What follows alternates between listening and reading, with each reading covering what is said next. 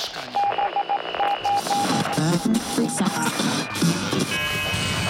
Odsłuch społeczny. Witajcie w nowym odcinku Odsłuchu Społecznego. Przy mikrofonie Sławek Cygler, a moim gościem jest dziś Bartłomiej Brach, antropolog organizacji i doktor w Instytucie Kapitału Ludzkiego Szkoły Głównej Handlowej w Warszawie. Dzień dobry. Dzień dobry. Temat na dziś. Poszukiwanie i odczuwanie sensu w pracy zawodowej. Co mówią badania o tym, ilu Polaków odczuwa sens swojej pracy? Kiedy pytałem reprezentatywną próbę pracujących Polaków o to, jak bardzo ich praca jest sensowna, jak silnie odczuwają sens swojej pracy, to muszę powiedzieć, że wyniki wyszły dosyć dwuznaczne. To znaczy, na siedmiostopniowej skali, gdzie jeden reprezentowało czuję bezsens swojej pracy, nie wiem po co ona jest, nie wiem dlaczego się nią zajmuję, i siedem, moja praca jest pełna sensu, wiem dokładnie po co ona jest i dlaczego jest ważna, Polacy średnio odpowiadali na 4,65. Czyli można byłoby powiedzieć, że troszeczkę bardziej w kierunku sensu są wychyleni, natomiast nie jakoś przesadnie bardzo. To oznacza, że jest zarówno grupa osób, które skierują się w kierunku bez sensu pracy i mają wątpliwości, dlaczego i po co swoją pracę wykonują, jak i też jest odpowiednio duża grupa osób, które właśnie swojej pracy sens dostrzegają. Więc można było powiedzieć, że jesteśmy dosyć niejednoznaczni, e, jeśli chodzi o odpowiedź e, na to pytanie, ale nie różnimy się specjalnie, jeśli o to chodzi, od innych państw europejskich. Tam też wyraźnie widać taką dychotomię. Grupę osób, które odczuwają sens swojej pracy i tych, którzy uważają, że ich praca jest albo bezwartościowa, albo po prostu pozbawiona sensu. Najczęściej ta druga grupa jest zdecydowanie mniejsza e, od tej pierwszej. Te wyniki polskie pokazują, że my takiego rozróżnienia silnego na te dwie grupy ze zdecydowaną preferencją tych, którzy odczuwają sens pracy, nie widzimy. A jak to wygląda, jak zejdziemy w szczegóły? Czym charakteryzują się te grupy? Czy możemy coś o nich powiedzieć? Ci, którzy widzą sens albo go nie czują?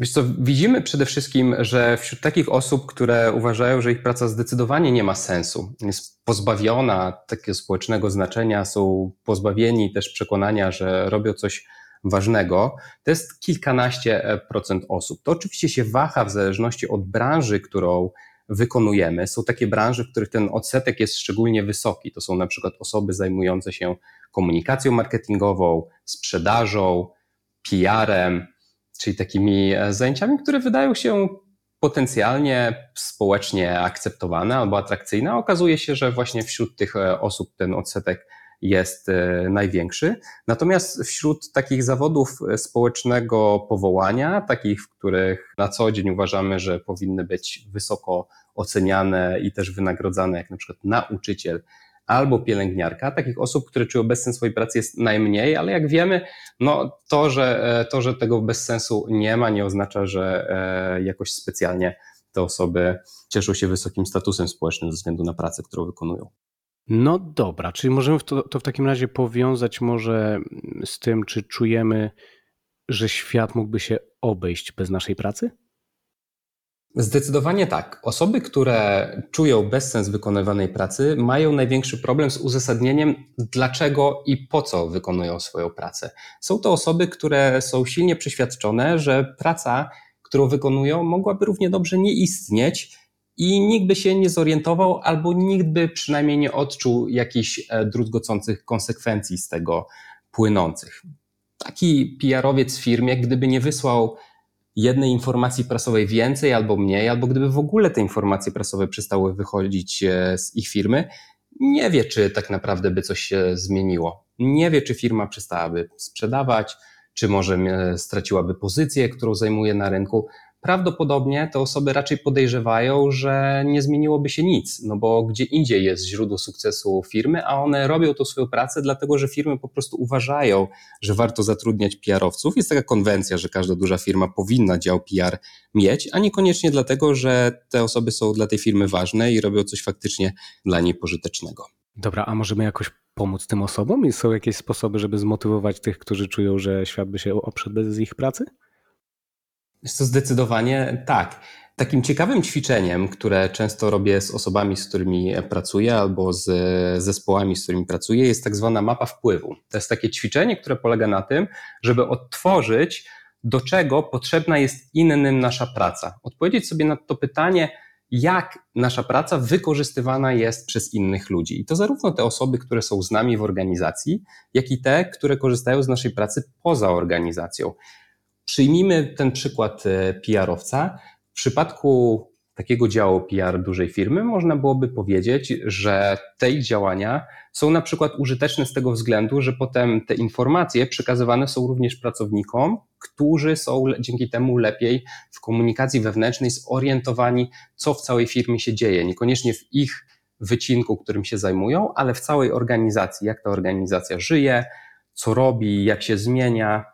Z drugiej strony, patrząc z perspektywy mediów, do których e, PR-owcy docierają, można powiedzieć, że PR-owiec bardzo ułatwia pracę zabieganemu dziennikarzowi, przygotowując taką informację prasową, szykuje mu czasami, można powiedzieć, nawet 90% artykułu, no bo nierzadko to, co dziennikarz robi, no jest to po prostu prostą edycją tego tekstu, który został mu przez firmę przesłany. Więc jeśli się spojrzy na to z takiej perspektywy, że ta praca faktycznie ma dla kogoś jakąś użyteczność i pomaga mu robić te rzeczy, do których jest zobowiązany na co dzień, no to ten status naszej pracy może się zmieniać. Natomiast badania pokazują, że my kiedy wykonujemy zlecone nam obowiązki w ciągu dnia pracy, czyli na przykład ten rzeczony PR-owiec wysyła te notatki albo przygotowuje te notatki, to rzadko kiedy myślimy sobie o tym, w jaki sposób one oddziaływują na naszych odbiorców. Raczej myślimy o tym, że z czymś jesteśmy spóźnieni, albo nie możemy sobie poradzić, albo że chcielibyśmy się zająć jeszcze jakąś rzeczą, która jest na agendzie. Czyli jesteśmy bardzo skupieni na tu i teraz, na tym, co konkretnie mamy zrobić,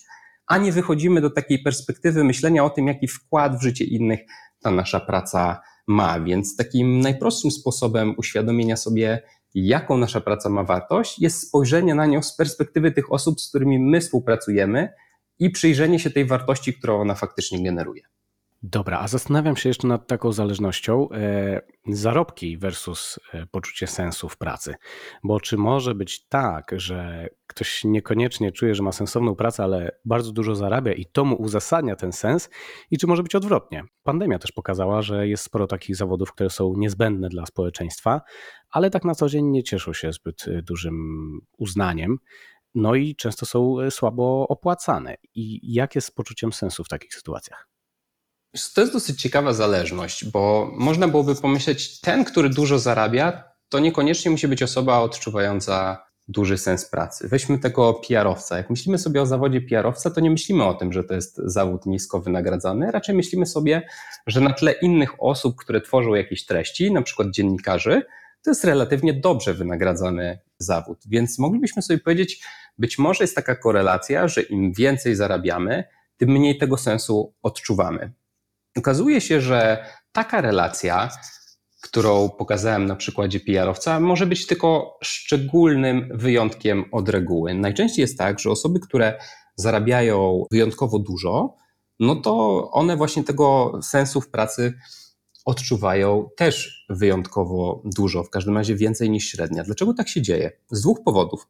Pierwszy powód jest taki, że wysokie wynagrodzenie bardzo często powiązane jest z pozycją zajmowaną w organizacji. Mówiąc prościej, im wyżej w organizacji jesteśmy, tym więcej zarabiamy. Im na wyższym szczeblu jesteśmy zatrudnieni. Osoby, które są zatrudnione na wyższym szczeblu, mogą w swojej pracy zajmować się takim abstrakcyjnym myśleniem o organizacji, o jej roli w środowisku jako takim, o jej strategii wobec różnych grup interesariuszy albo innych firm. Więc widzą dużo więcej połączeń i widzą dużo więcej zmian, które dzieją się w długim okresie czasu i mogą na te zmiany dzięki temu patrzeć jako coś ważnego. Natomiast im niżej jesteśmy w strukturze firmy, tym bardziej jesteśmy osadzeni w takiej codziennej bieganinie, krzątaninie, realizacji codziennych e, zasad, bardzo często powtarzalnych, zrutynizowanych, które nas od takiej abstrakcyjnej, ogólnej perspektywy, które pomagają spojrzeć na pracę naszej firmy w kontekście interesariuszy i też w długim okresie czasu, nas odsuwają. A badania pokazują, że sens pracy w dużej mierze powiązany jest właśnie z taką umiejętnością abstrakcyjnego spojrzenia na to, czym się zajmujemy w długim okresie czasu i wobec innych ludzi. To jest pierwszy powód, dla którego te osoby, które są mm, u góry struktury firmy, które zajmują wysokie stanowiska, one bardzo często tego sensu więcej odczuwają. Po prostu charakter ich pracy sprzyja myśleniu, które jest e, bliskie przesłankom dla myślenia o tym, że, że praca jest sensowna. Drugi argument, o którym chciałbym powiedzieć, to jest argument związany ze społeczną sygnalizacją wynagrodzenia. O co mi chodzi? Chodzi mi o to, że wysoka pensja, nie tylko w naszym społeczeństwie, tylko generalnie w gospodarce kapitalistycznej, sugeruje, że ktoś robi coś ważnego, istotnego. No bo gdyby nie robił nic ważnego, no to prawdopodobnie nie płacono by mu aż tyle. Ta osoba musi być obdarzona jakimiś kompetencjami, jakimiś kapitałami, które są rzadkie i cenne dla organizacji i prawdopodobnie też dla całego społeczeństwa. Więc osoba, która zarabia dużo, jest też taka osoba, która uzyskuje mm, za tą pomocą bardzo szybko wysoki status społeczny. A ten wysoki status społeczny znowu pomaga nam uświadomić sobie, że nasza praca może mieć sens i że ma sens. No bo jeśli inni uważają, że to, co robimy, jest wyjątkowe, rzadkie i bardzo specyficzne, no to znaczy, że w tym musi coś faktycznie być. No dobra, a teraz jeśli wskoczymy z powrotem na przykład nauczycieli, którzy społeczeństwo, wydaje mi się, że w dużej mierze uważa, że powinni zarabiać więcej. Jest to szanowany zawód, jakby wielu ludzi zdaje sobie sprawę, jak istotny, no ale jednak gorzej wynagradzany. Albo idąc jeszcze dalej w przykładach, operator śmieciarki, niezbędna rzecz, absolutnie. Bez operatorów no, potrafią się dziać katastrofy w miastach, jeśli jest problem z przepustowością odbioru odpadów. Jak szukać e, sensu w takim wypadku? Zależność, o której mówimy, czyli zależność pomiędzy wysokością pensji a przekonaniem o sensowności wykonywanej pracy, można było powiedzieć, że jest taka ukształtna. To znaczy, osoby, które bardzo dobrze zarabiają, one częściej odczuwają sens pracy i też te, które zarabiają bardzo mało, paradoksalnie też częściej ten sens pracy odczuwają. Teraz powiem Ci, dlaczego tak jest. Dlatego, że w momencie, w którym e, zarabiamy wyjątkowo mało, no to musimy znaleźć innego typu uzasadnienia dla wykonywania tej pracy. Znaczy, ciężko mówić o chęci wykonywania zawodu nauczyciela albo pielęgniarki, albo rzeczonego śmieciarza, o którym mówisz, tylko i wyłącznie z punktu widzenia wysokości zarobków. Tak? Trudno powiedzieć, że ta pensja, która jest pensją dużo poniżej średniego wynagrodzenia w gospodarce, jest czymś, co może uzasadnić w pozytywny sposób chęć do realizacji się w tym zawodzie. Dlatego te osoby, które zarabiają wyjątkowo mało, one muszą szukać innego uzasadnienia dla tej roli, którą podejmują. No i często szukają ją właśnie w takich uzasadnieniach, które pomagają nadać sens tej pracy. Czyli mówią, ja tego nie robię dla siebie, bo gdybym robiła to dla siebie, robił to dla siebie, to prawdopodobnie wybrałbym inny zawód, ale robię to dla innych. Uczę, bo chcę pomóc dzieciakom wyrosnąć na fajne dorosłe osoby sprzątam albo jestem śmieciarzem, dlatego że to jest ważne dla, dla naszej społeczności. Tak? Gdybyśmy nie wywozili śmieci, to byśmy bardzo szybko pod nimi zginęli. Więc ja robię coś ważnego dla innych i w ten sposób uzasadniam sobie wartość swojej pracy i w ten sposób zaczynam czerpać sens z tego, co robię. Czyli właśnie bardzo niewielkie zarobki mogą być paradoksalnie takim e, przyczynkiem do myślenia o tym, dlaczego nasza praca może mieć inny sens niż tylko i wyłącznie ten związany z zarabianiem. I to pokazuje przykład bardzo wielu zawodów. Czy mówimy właśnie o nauczycielach, czy mówimy o pielęgniarkach, czy mówimy o śmieciarzach, czy mówimy o pracownikach ZO. Wszystkie te zawody mają jedną wspólną cechę, są bardzo nisko wynagradzane, a wydawałoby się, że powinny być wynagradzane zupełnie inaczej. I to właśnie ta sprzeczność, którą ci pracownicy przepracowują, pcha w kierunku tego myślenia, że prawdopodobnie jest jakaś inna przyczyna, dla której się e, to, tym zawodem zajmują. Tą przyczyną może być to, że to ma wartość dla innych ludzi i że to jest potrzebne. A od tego do poczucia sensu pracy już jest naprawdę bardzo blisko. Dobra, a jak jest z pokoleniem tak zwanym Z, czyli urodzonymi po 95 roku? Bo tu zdaje się zaszła jakaś zmiana pokoleniowa.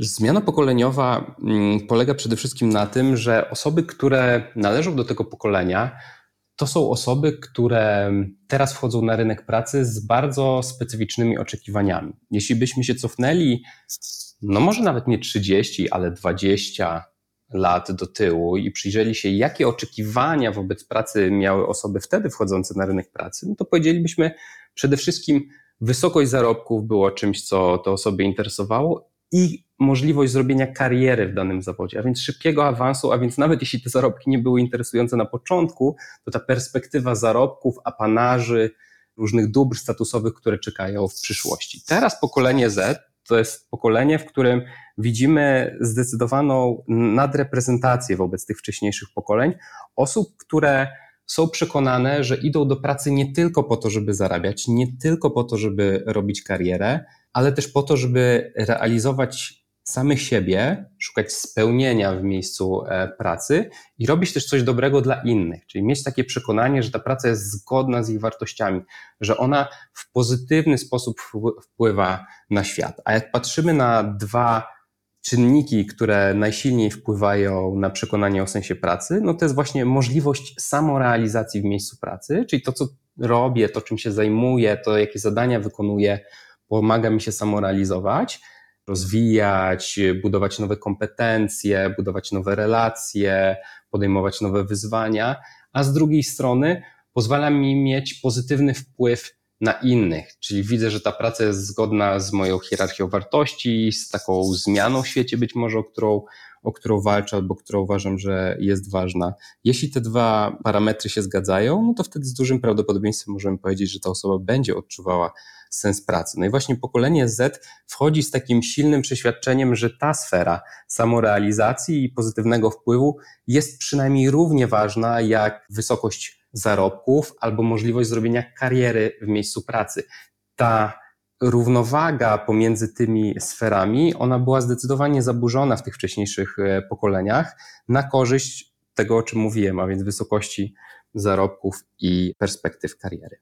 Okej. E, teraz chciałbym się odnieść do raportu w poszukiwaniu sensu pracy, którego jesteś współautorem e, i pozwolę sobie tutaj e, dość, no tak powiedzmy pośrednio go zacytować i poproszę Cię o komentarz, bo w Polsce mamy dość wysoki wynik, jeśli chodzi o odczuwanie sensu pracy, ale ten wynik niekoniecznie wskazuje na lepsze środowisko pracy. Polacy widzą sens swojej pracy, gdy jest ona stabilna i dobrze płatna, a na zachodzie, gdzie średnie zarobki są wyższe, więcej pracowników dostrzega brak jej sensu, nawet na wysokich stanowiskach. Jeśli bierzemy pod uwagę, że Zachód y, to jest y, no, miejsce, do którego bardziej pretendujemy, jeśli chodzi o sytuację finansową, no to czy czeka nas obniżenie tego odsetka poczucia sensu pracy? Już to bardzo zależy od tego, jak będą się zmieniały wartości, takie, z którymi praca jest łączona mm, przez nas na takim, można powiedzieć, narodowym poziomie. Tak jak y, sam powiedziałeś, cytując nas jako autorów e, raportu. W Polsce ważna jest e, dla poczucia sensu pracy taka stabilność zatrudnienia, takie też poczucie pewnej takiej kolegialności, bliskości z innymi pracownikami, tego, że wspólnie coś razem robimy. Na Zachodzie dużo ważniejszy jest ten parametr, o którym mówiłem w przypadku pokolenia Z, a więc ten parametr pozytywnego wpływu, czyli poczucia, że ta praca faktycznie coś generuje, że to jest istotne i że można powiedzieć, że coś dzięki tej pracy się zmienia w świecie. Tam jest więcej osób odczuwających bezsens pracy, dlatego że powiedzmy sobie szczerze, rzadko która praca faktycznie ma taki aspekt, że można łatwo wskazać relację pomiędzy tym, co robię na co dzień, a tym, że świat się jakoś e, zmienia na lepsze. Bardzo dużo część naszej pracy to jest po prostu praca administracyjna, która polega na kontroli albo na wypełnianiu pewnych rutyn i norm, które, które firmy tworzą. Więc wykonując taką pracę, trudno sobie powiedzieć, że faktycznie to robi coś istotnego, że to coś zmienia. U nas ta sytuacja jest inna, kiedy my kładziemy w Polsce większy nacisk na to, żeby praca była przede wszystkim takim stabilnym, e, ciepłym, miejscem pracy, w którym ważne są relacje, w którym ważne jest e, pomaganie sobie i takie poczucie, że razem coś robimy i że razem mierzymy się z wyzwaniami, które przed nami stoją, no ten sens pracy jest po prostu łatwiej, bo praca częściej ma taki charakter, że po prostu pojawiają się przed nami jakieś wyzwania i musimy sobie z nimi poradzić, że są jakieś zadania, które musimy zrealizować. Więc y, ja nie byłbym taki skłonny, żeby szybko powiedzieć, że im bardziej będziemy zbliżać się do Zachodu, jakkolwiek by to w dzisiejszych y, czasach nie było nieprawdopodobne, że my się tam jeszcze zbliżamy, no to nie wiem, czy my się nawet zbliżając do tego Zachodu, będziemy faktycznie e, doświadczali tego procesu o którym, e, o którym ty mówiłeś, czyli takiego procesu, w którym tego bezsensu pracy jest, e, bezsensu pracy jest coraz więcej. Wydaje mi się, że jeśli utrzymamy takie przeświadczenie, że wartością w pracy są relacje, pewna stabilność i taka umiejętność wspólnego radzenia sobie z wyzwaniami, które praca przed nami stawia, no to wcale niekoniecznie taki proces musi zajść. To znaczy, możemy się bogacić, praca nasza może się zmieniać, natomiast to poczucie sensu, o którym mówimy, ono może być względnie stałe. To teraz tak, może y, Przejdźmy trochę do wątku pracy zdalnej. Generalnie temat wydaje mi się dość szeroko omawiany, ale zastanawiam się, bo pandemia trwa już ponad półtora roku, zastanawiam się, jak ewoluowało podejście do pracy zdalnej albo hybrydowej, bo był taki moment na początku, gdzie może niekoniecznie szefowie, ale pracownicy często byli bardzo entuzjastycznie nastawieni do pracy zdalnej. A jak jest teraz? Wątek sensu pracy w kontekście pracy zdalnej to jest coś, od czego pewnie powinniśmy zacząć, bo Wbrew pozorom te dwa tematy e, się bardzo łączą. Dlaczego? Jak pokazują badania, dla odczuwania poczucia sensu pracy w momencie, w którym nie pracujemy z biura, czyli nie mamy szansy właśnie bycia z innymi, takiego budowania wspólnego przekonania o tym, że razem sobie radzimy z jakimiś wyzwaniami, że realizujemy wspólne cele i że nawet tego doświadczamy tak fizycznie, tak? bo ktoś nam pogratuluje, bo z kimś e, uda nam się coś załatwić, bo widzimy entuzjazm w oczach e, innych osób, które albo obok nas przechodzą, albo pracują, albo siedzimy z nimi na spotkaniu, no to w momencie, w którym my jesteśmy tego pozbawieni, a więc e, wykonujemy pracę zdalnie, już nieważne czy z domu, czy z kawiarni, czy z jakiegokolwiek innego miejsca, no to to dla tego poczucia sensa, sensu pracy, szczególnie w Polsce, stawia duże wyzwanie żebyśmy pracowali nad synchronizacją, a więc takim przekonaniem, że mimo tego, że jesteśmy daleko od siebie, to nie rozmawiamy tylko i wyłącznie o konkretnych zadaniach, które mamy do wykonania, ale także znajdujemy czas na to, żeby spojrzeć razem w przeszłość i zobaczyć, co nam się udało zrobić, nawet mimo tego, że jesteśmy od siebie daleko, jak ta wspólność pracy, mimo tego, że nie wykonujemy jej biurko w biurko czy klawiatura w klawiaturę, dalej e, istnieje. Więc widać, że z perspektywy budowania takiego środowiska, w którym jest dużo sensu pracy, no czeka nas taka dodatkowa praca nad uświadomieniem sobie tego, że oprócz tego, że jesteśmy daleko, to to daleko wcale nie oznacza, że jesteśmy dla siebie mniej ważni albo to, co robimy, jest mniej wspólne i mniej doświadczamy tego razem.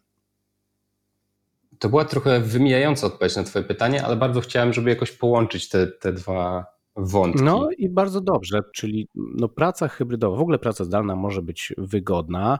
Część większych firm rezygnuje z części swoich powierzchni biurowych po to, żeby robić hot deski albo po prostu część ludzi na stałe wysyłać e, na pracę zdalną, ale czy to się utrzyma? Czy może jednak czeka nas wielki powrót do biur?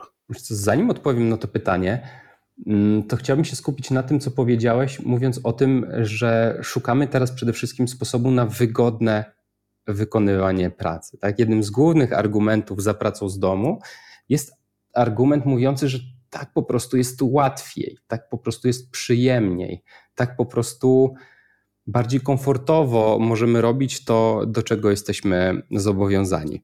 I teraz z jednej strony jest oczywiście to zasadny argument, no bo dlaczego praca miała być dla nas szczególnie nieprzyjemna albo szczególnie problematyczna? Jeśli możemy sobie ją uprościć albo sprawić, że będzie bardziej komfortowa, to dlaczego nie? Z drugiej strony jednak warto zwrócić uwagę na to, że praca też musi mieć pewien poziom niedogodności. Byśmy powiedzieli, ta praca musi nas trochę uwierać, ona musi być troszeczkę nas unieszczęśliwiać, stawiać troszeczkę za wysokie wyzwania, jak to mówią w korporacjach, challenge'ować nas, żebyśmy my osiągali te wyniki, które jesteśmy w stanie osiągnąć. Jak patrzymy na relacje na przykład pomiędzy zadowoleniem z pracy a wynikami w pracy, to można powiedzieć, że ta relacja albo jest bardzo słaba, albo żadna. To znaczy, to, że my coś robimy w komfortowych warunkach, wcale nie oznacza, że będziemy robili to lepiej albo przynajmniej tak samo dobrze. Raczej ten moment, w którym jesteśmy umiarkowanie nieusatysfakcjonowani, czyli coś nam przeszkadza, to jest ten moment, w którym właśnie dodatkowo się spinamy i dodatkowo się staramy zrobić te rzeczy dobrze. Więc my jesteśmy takimi ciekawymi zwierzętami, które oczywiście poszukują komfortu, natomiast ten komfort bardzo często bywa iluzoryczny, przynajmniej z punktu widzenia osiągania tych celów, które wspólnie sobie w organizacji zakładamy. Dlatego wydaje się, że tutaj mamy do czynienia ze starciem takich dwóch e, perspektyw. Jednej takiej krótkoterminowej, przyjemnościowej, i to jest taka perspektywa, którą najczęściej pracownicy reprezentują. Mówią, no przecież nic się nie dzieje, cały czas pracujemy tak samo jak pracowaliśmy. Te wyniki, które osiągamy są satysfakcjonujące, firma sprzedaje, produkuje, robi, cokolwiek byśmy nie podstawili, jaki tam, e, jakikolwiek czasownik byśmy tu nie podstawili.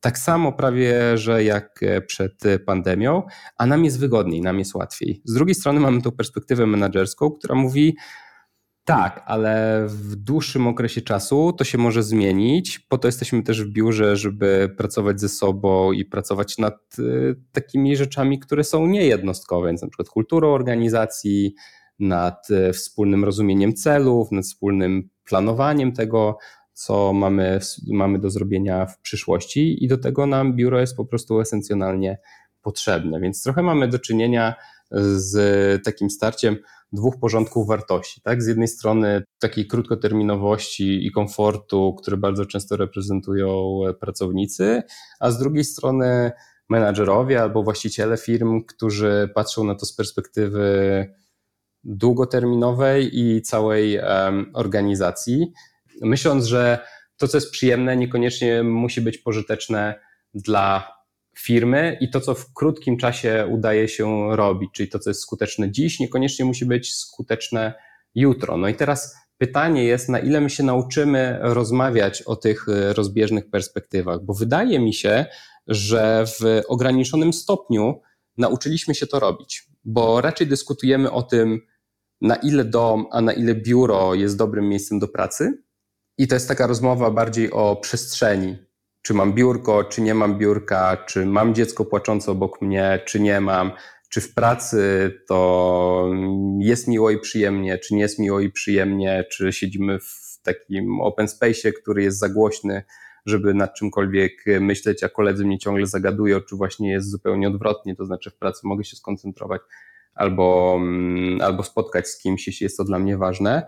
Więc rozmawiamy, wydaje mi się, o zastępczych problemach, a niekoniecznie o tym, co jest kluczowe dla rozwiązania tej sytuacji, w, którym się, w której się znaleźliśmy, czyli nadania priorytetów jednej z tych perspektyw czasowych, albo skupiamy się na tym, co teraz i maksymalizujemy efektywność w danym momencie, albo myślimy, o długofalowym rozwoju organizacji i powinniśmy się do niego przygotować, nawet jeśli to oznacza pewne koszty dla tego, co robimy dzisiaj i pewne niedogodności dla nas jako pracowników.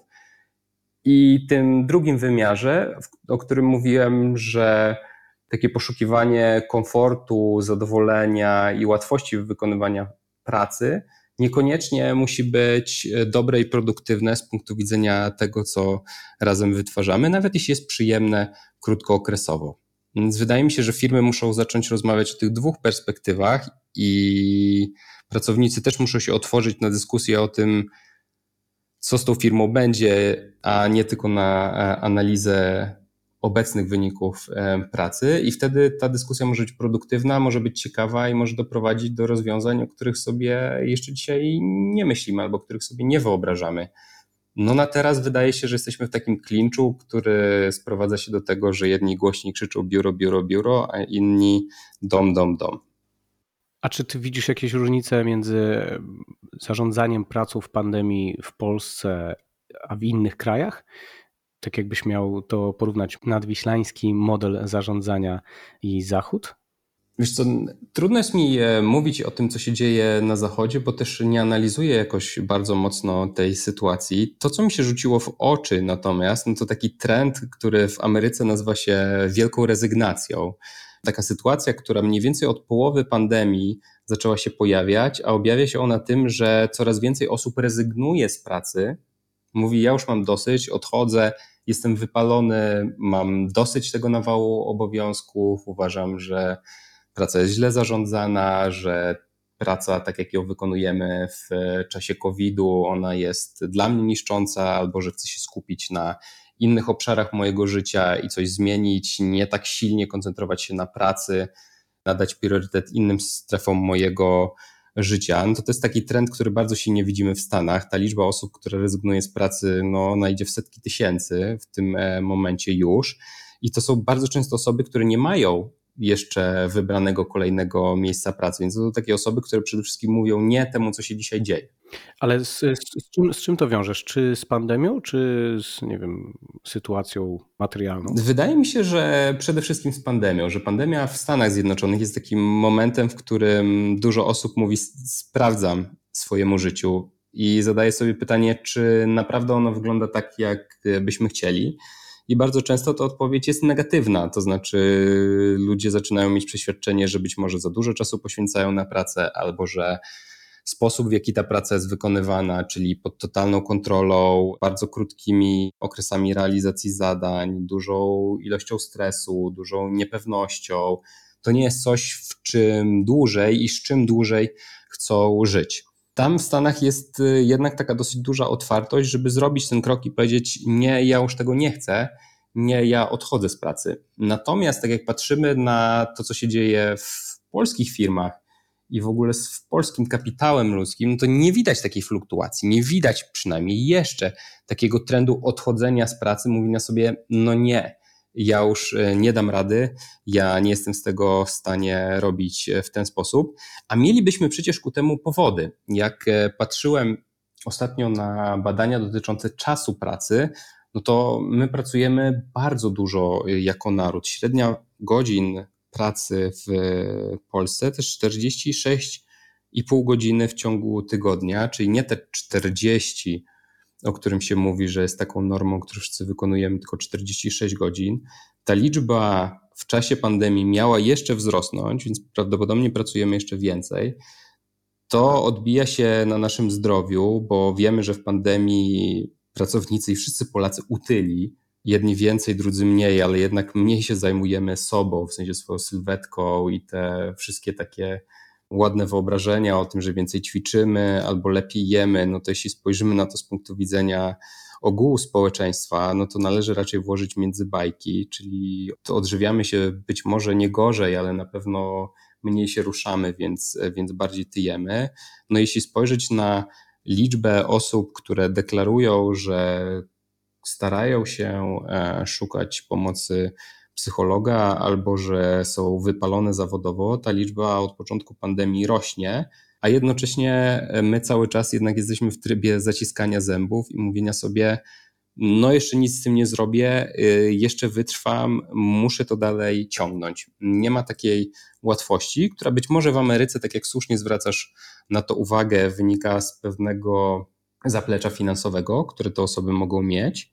Nie wiem, być może tak jest no u nas w każdym razie nie widać, żeby przy tych samych przesłankach, które obserwujemy w Stanach Zjednoczonych, był taki jawny ruch odchodzenia z pracy i takiej wielkiej rezygnacji, mówienia, że ja się już na to nie godzę, tylko raczej trwamy, trwamy w takim impasie, albo robimy dobrą minę do złej gry, czyli jest mi gorzej, nie daję rady, ale nie mówię tego, no bo nie chcę wobec pracodawcy wyjść na osobę, która jest nieprzydatna albo która nie jest w stanie spełniać swojej roli w organizacji, albo trwamy w takim klinczu negocjacyjnym dotyczącym tego, gdzie będziemy pracować, czyli czy w domu, czy w biurze, a nie rozmawiamy o tym, jaka ta praca ma być. To znaczy, ile czasu ona ma trwać, jak ona ma być obciążająca psychicznie, jakiej ona relacji ma być do innych sfer naszego życia. To wszystko nas e, omija, a być może warto by było, żebyśmy te tematy podejmowali, bo tak jak pokazują dane, no statystyki, te, które przytaczam, są naprawdę alarmujące. To wiesz co? Weźmy sprawy w swoje ręce i wstańmy od komputerów. To będzie niestety oznaczało koniec naszej rozmowy, ale i tak troszkę materiału uzbieraliśmy. Ja idę pobiegać w takim razie za chwilę. A moim gościem był dzisiaj Bartłomiej Brach. Bardzo serdecznie dziękuję Ci za rozmowę. Dziękuję. Dziękuję również osobom, które przygotowały i realizowały ten odcinek, czyli odpowiednio Magdzie Gromniak-Szy i Robertowi Gańko. Kolejne odcinki odsłuchu społecznego znajdziecie jak zawsze co tydzień na wszystkich popularnych platformach streamingowych. Dzięki i do usłyszenia.